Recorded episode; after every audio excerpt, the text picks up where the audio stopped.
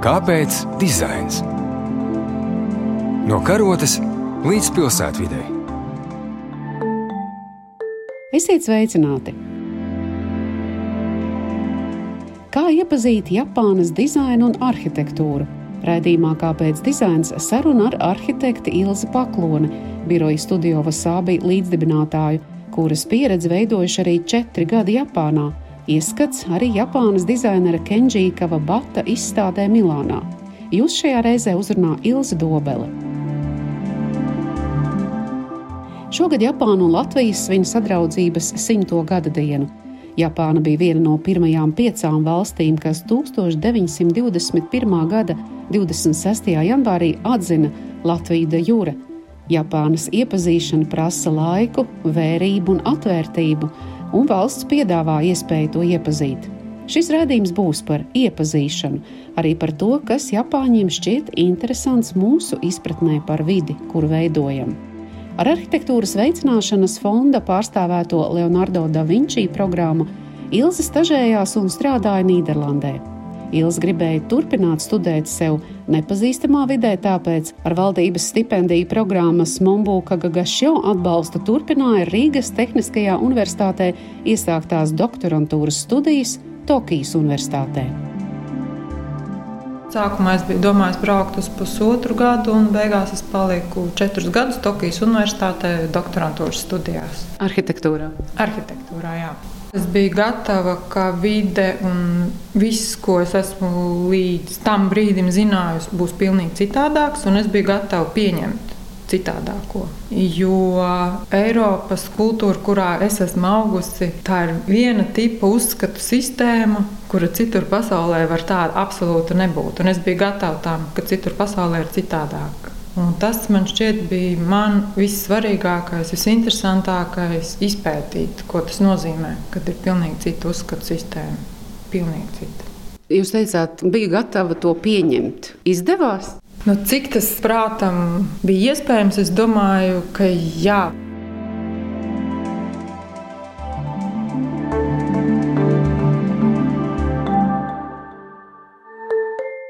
Japānā tāpat kā Latvijā tika dota brīvība pašai organizēt savu laiku izglītībai un dalībai dažādos projektos.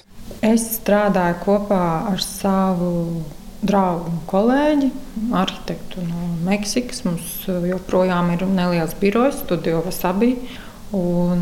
Mēs strādājām pie individuāliem projektiem. Mēs abi rakstījām itāļu žurnālam Domus. Mēs piedalījāmies konkursos, mēs Piedalījāmies arī profesora Kengo Kumas laboratorijas darbā. Es mēģināju iesaistīties visur, kur es jūtu, ka es varu kaut ko mācīties. Profesoru Kengo Kumu žurnāls Times šogad atzinis par pasaulē ietekmīgāko arhitektu. Lekcijā Latvijā daloties ar savu pieredzi, Kumu atzina, ka galvenais ir telpas iemītnieks, nevis ēka. Ilza Latvija atgriezās 2015. gada beigās, un arhitektūrā viņas kompetences ir startautiska pieredze dažāda mēroga projektu izstrādē, pētniecībā, publikāciju veidošanā par arhitektūru un dizainu. Sākumā pirmais gads, pusotrs pagāja vēl strādājot ar projektiem, kuri bija saistīti ar Japānu. Tur savukārt milzīgs paldies Latvijas vēstniecībai Japānā, kur bija ļoti aktīvi tajā brīdī un ar viņu palīdzību tika publicēts žurnāls par Latvijas arhitektūru Japānā, tika izveidota izstāde par Latvijas arhitektūru Japānā, un tāpēc šogad sadarbībā ar Arhitektu Savienību arī tapa izstāde, kura tika aizvesta uz ASV savukārt. Tie projekti un tās pieredzes, kuras tika ieliktas Japānā, tās, protams, ir ietekmējušas ikdienu. Man vairs nav vēlmes salīdzināt Jo es sākumā mēģināju salīdzināt Latviju, Tokiju, Rīgā, Rīga, Tokiju, bet tas ir tik dažādas lietas, tas nav iespējams. Tā kā es nezinu, kartupeli ar ābolu salīdzināt, nu nav iespējams to nav mhm. iespējams izdarīt. Es varu kaut ko mācīties, es varu cienīt, es varu pamanīt atšķirības. Piemēram, Latvijā mūsu kultūrā nav tik daudz vārdu, kas apraksta tāds un tāds skaistums, tas un tas ir telpa. Mums tādu nav, bet salīdzināt eh, to nevar. Un tās atšķirības tās gan var pamanīt.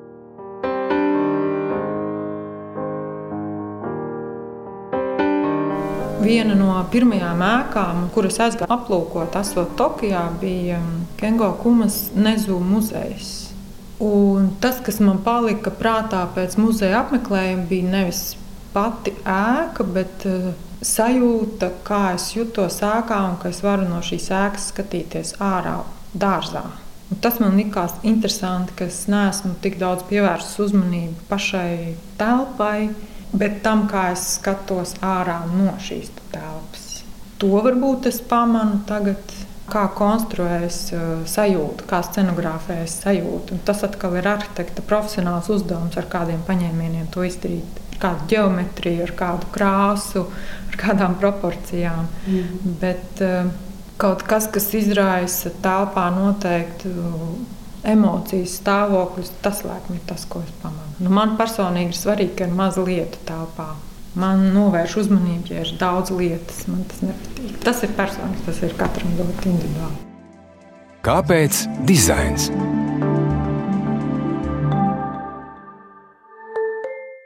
Viens no nesenākajiem projektiem ir līdzdalība Latvijas Arhitektu Savienības izstādes sagatavošanā Jūtīguma spēks renovācijas Latvijas arhitektūrā ASV Ņujorkā šī gada oktobrī, kad noritēja arhitektūras un dizaina festivāls. Izstādes filmā atainotas 15 dažādas Latvijas vietas, kuras piedzīvojušas pirmo vai atkārtotu atzimšanu. Latvijas Song and Dance Festival, Meža parka estrāde, Stūķu kūts, dzintara koncertzāle, Lūdzas lielā sinagoga, viena no vecākajām koka sinagogām Latvijā, Māja, Lieldienu sala Kaltenē un Žaņa Lipas memoriāls, Kuldīgas mākslas rezidents un Kuldīga citi. is one of the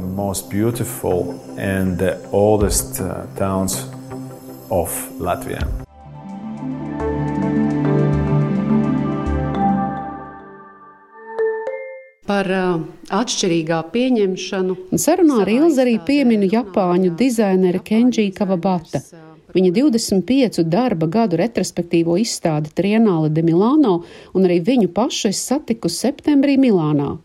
All Things in Nature - viss, kas ir dabā, jauns eksperiments ārpus dizaina, mākslas un zinātnes robežām.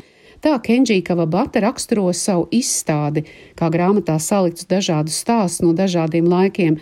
Tie ir krēsli vai lampas, kuru formu tieši ietekmē kāds kukainis, tā forma vai putna ligzda, un tie ir arī nelieli tērauda stiepļu savienojumi, veidoti ar vienkāršiem amatnieciskiem darba rīkiem, kuri liekti un savienoti veidojot caurredzamas lodes, apmēram vidēji ābola izmērā.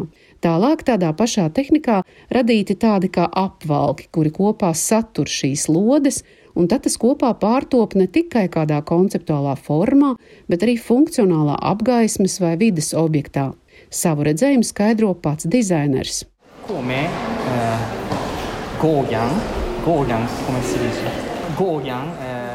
Katrs no darbiem ir par to, ko teicis gleznotājs Pols Gogēns, no kurienes mēs nākam, kas mēs esam, kur mēs ejam. Katra forma, kuru izlemju veidot, ir pirmsākums vai tīradnis no kaut kā, no kā esam radušies arī mēs.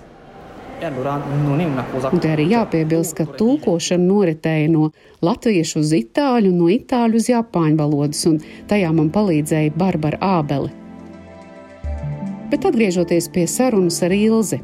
Mācoties un strādājot Japānā, Ilze arī vērojusi, kā Japānā tiek saglabātas tradīcijas, amata prasmes, tomēr tās arī pārtopa. To, ko es pamanīju, noteikti dizainā un arhitektūrā, tur ir kaut kāda neticama spēja interpretēt savu tradīciju, inovēt savu tradīciju tādā veidā, ka absolūti nolasās, ka tā ir Japānas tradīcija, bet tajā pašā laikā tas ir kaut kas pilnīgi jauns. Un tā varbūt ir atšķirība starp to, ko nozīmē jauns un inovācija rietumu kultūrā un ko nozīmē inovācija Japānas kultūrā. Japānas kultūrā inovācija var arī nozīmēt tradīcijas pilnveidošanu. Ir, protams, absolūti brīži bijuši, kad ienāk jaunas inovācijas, cilvēki, kas pārlauž iepriekšējo gadsimtu tradīcijas, bet lielā mērā tā ir visu laiku tradīcijas pilnveidošana, pilnveidošana un pilnveidošana. Un to var nolasīt arhitektūrā un dizainā. Uzmanībā pret uh, formu, uzmanībā pret detaļām, pret tehniku, pret amatniecību, pret tehnoloģiju. To var nolasīt. Jā. Vai to jūs redzējāt arī savā šajā darbībā, šajos četros gados, kad jums bija jāstrādā pie kāda objekta? Jā, nu var teikt, ka jā. jā. Vai varat raksturot, kā varbūt tas parādījās? Vai tā ir detaļu slīpēšana, vai tas ir kaut kāds, nezinu, pamat ideja, no kuras dzimst viss koncepts, un tad viss tiek pakārtots tam, kā tieši tas varbūt notiek? Nu, varbūt, ja tā īsi jāatbild, tā ir detaļu kultūra. Mm -hmm. Jā, detaļu kultūra. Kas mums būtu varbūt jāmācās tieši no šādas pieredzes? Es noteikti pievēršu vairāk uzmanības tam, kā var kaut ko tradicionālu vai zināmu vismaz mēģināt inovēt.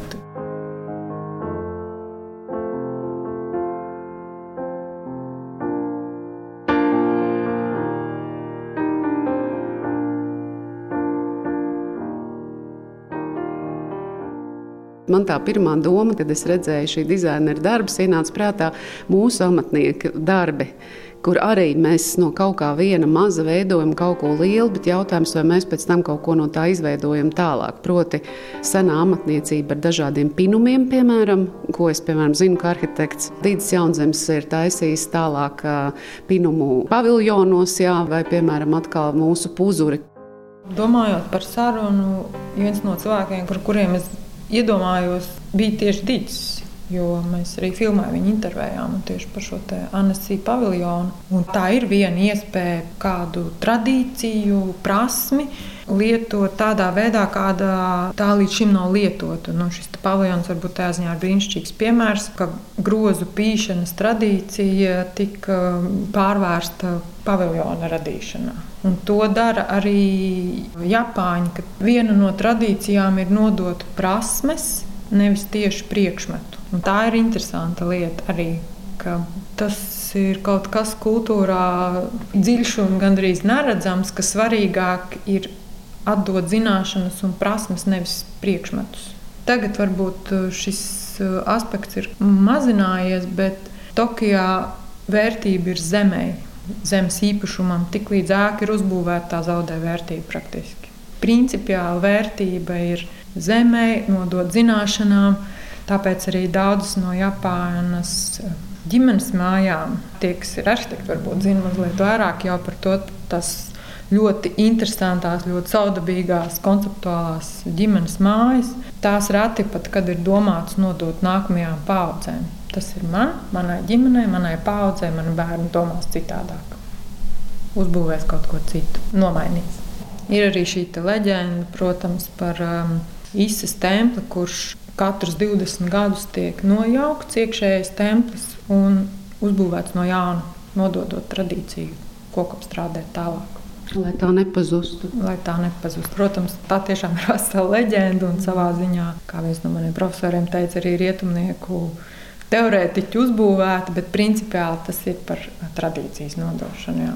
amatniecības nodošanu. Ne visiem ir pieejama tā ilgu laiku tradīcija.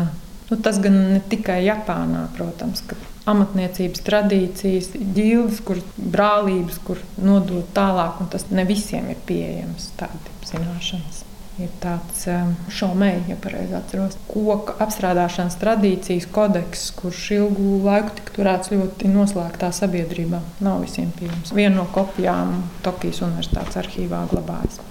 Nu, viens no jautājumiem, par kuriem es domāju, arī nākot šurp, bija par uh, sajūtu, ka Japāņiem ir interesanti tas, kas ir rietumos, un viņi savā ziņā vēlas to ieviest um, un vēlas saprast mūs, vai mums tikai tā šķiet, ka mēs viņiem esam interesanti. Kādreiz varbūt mēs savu glaimojam. Protams, ka interesi ir, bet man šķiet, ka nu, tas arī protams, ir tikai mans personisks viedoklis. Tā ir augstprātīga tā domā. Mēs esam sev pārvērtējuši. mēs esam mazliet sev pārvērtējuši, jā, jo nu, man ir nācies sēdēt uh, kompānijā, kurā ir cilvēki no Eiropas un Japāņi. Un šie cilvēki no rietumiem pēkšņi sāk apspriest Japānas kultūru. No tāda tā kā zinātnēja pozīcijas, un es redzu, kā man Japāņu draugi vienkārši sēž un klusē tajā brīdī.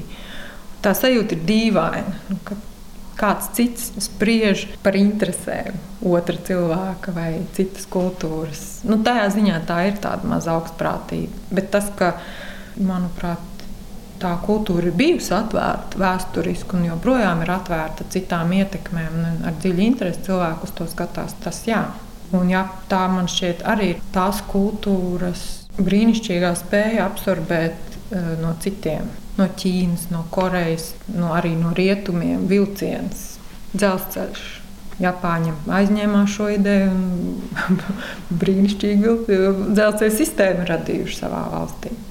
Ja cilvēki vēlas tiešām iepazīt un grib būt vērīgi, tie, kuri ceļo uz Japānu, manuprāt, vissvarīgākais braucot uz Japānu, lidojot uz Japānu, mm -hmm.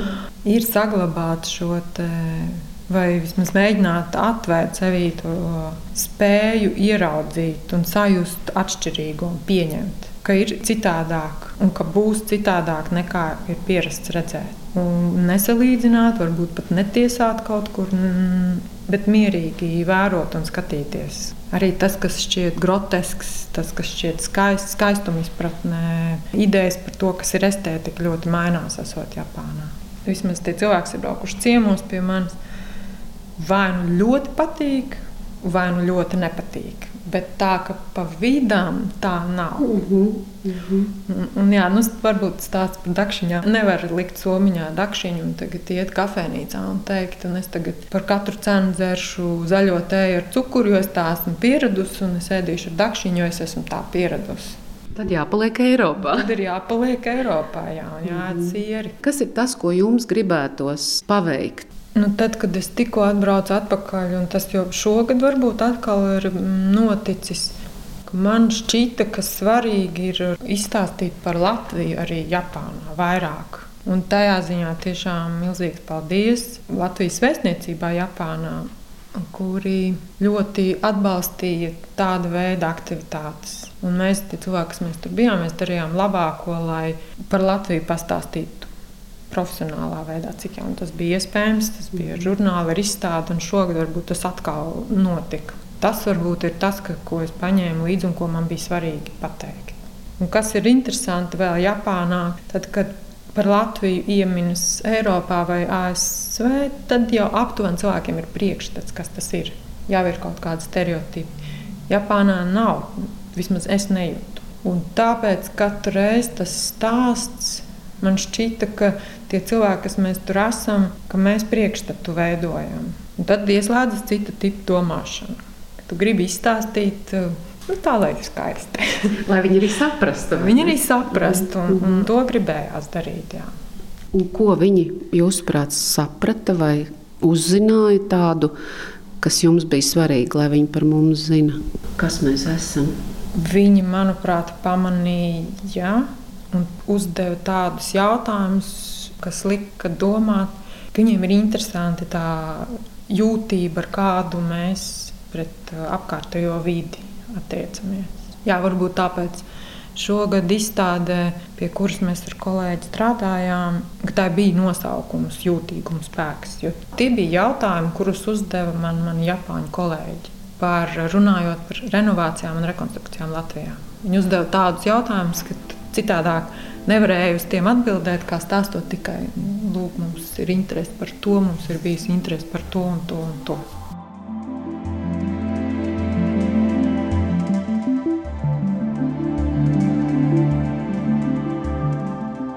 Latvijā un arī Japānā ar dažādiem notikumiem atzīmē valstu sadraudzības simtgadi. Tā decembra sākumā Tokijā Rapongi Hills vienā no prestižākajām biznesa, kultūras un izklaižu vietām ritēs Latvijas investīciju un attīstības aģentūras un Latvijas vēstniecības Japānā rīkotās Latvijas dienas, kuru dizaina izstrādē palīdzējusi arhitekta komanda no Studio Vasābi Ilze Paklone un Rafaels Balboa. Arī tas turpinās Ilzas ceļu Japānas iepazīšanā un Japāņiem iepazīšanos ar mums. Šī raidījuma skaņu montēja Judīta Bērziņa. Paldies Kultūra Kapitāla fondam! Jūs uzrunā Ilza Dobele. Paldies, ka klausījāties un tiekamies decembrī!